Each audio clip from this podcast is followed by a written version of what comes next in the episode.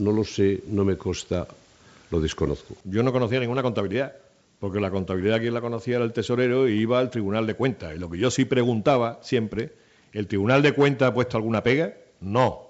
Pues vamos para adelante. ¿Quién eh, recibía eh, y controlaba los donativos que llegaban al partido? Pues mire, eh, quién lo recibía no tengo ni idea, ni idea, y en cualquier caso también me añadió una y cien veces que nunca, nunca el partido recibía una donación a cambio de algo. Eso don Álvaro Lapuerta, que era como era conocido en nuestra sede, don Álvaro Lapuerta, me lo repitió muchas veces. ¿En alguna ocasión usted, durante su época de secretario general, recibió algún donativo, alguna donación mm, para el Partido Popular de cualquier forma y por cualquier persona? Nunca.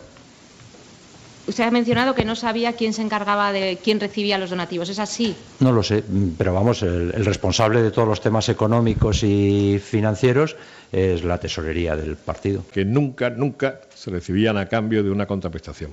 A mí me dijeron de forma nítida y clara, las tres fuentes de financiación del PP son, con mucha diferencia, las ayudas públicas, las aportaciones de los militantes y las donaciones. Y de forma rotunda, todo en el marco de la legalidad.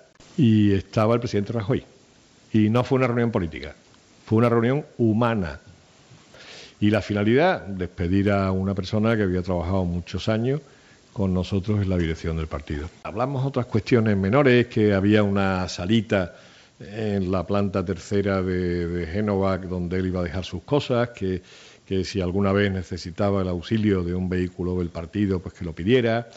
Y eso es lo que yo recuerdo de esa, de esa conversación, que le insisto, eh, la sitúo mucho más en clave humana que en otra clave. Nunca, nunca puede entrar en mi cabeza, comprenda un poco mi reacción de sorpresa, ¿no? Nunca puede entrar en mi cabeza que el Partido Popular tuviera fondo en Suiza. Nunca, jamás. Que yo recuerde, la remuneración del partido fue siempre a través del grupo parlamentario. Yo no tuve remuneración del partido directa.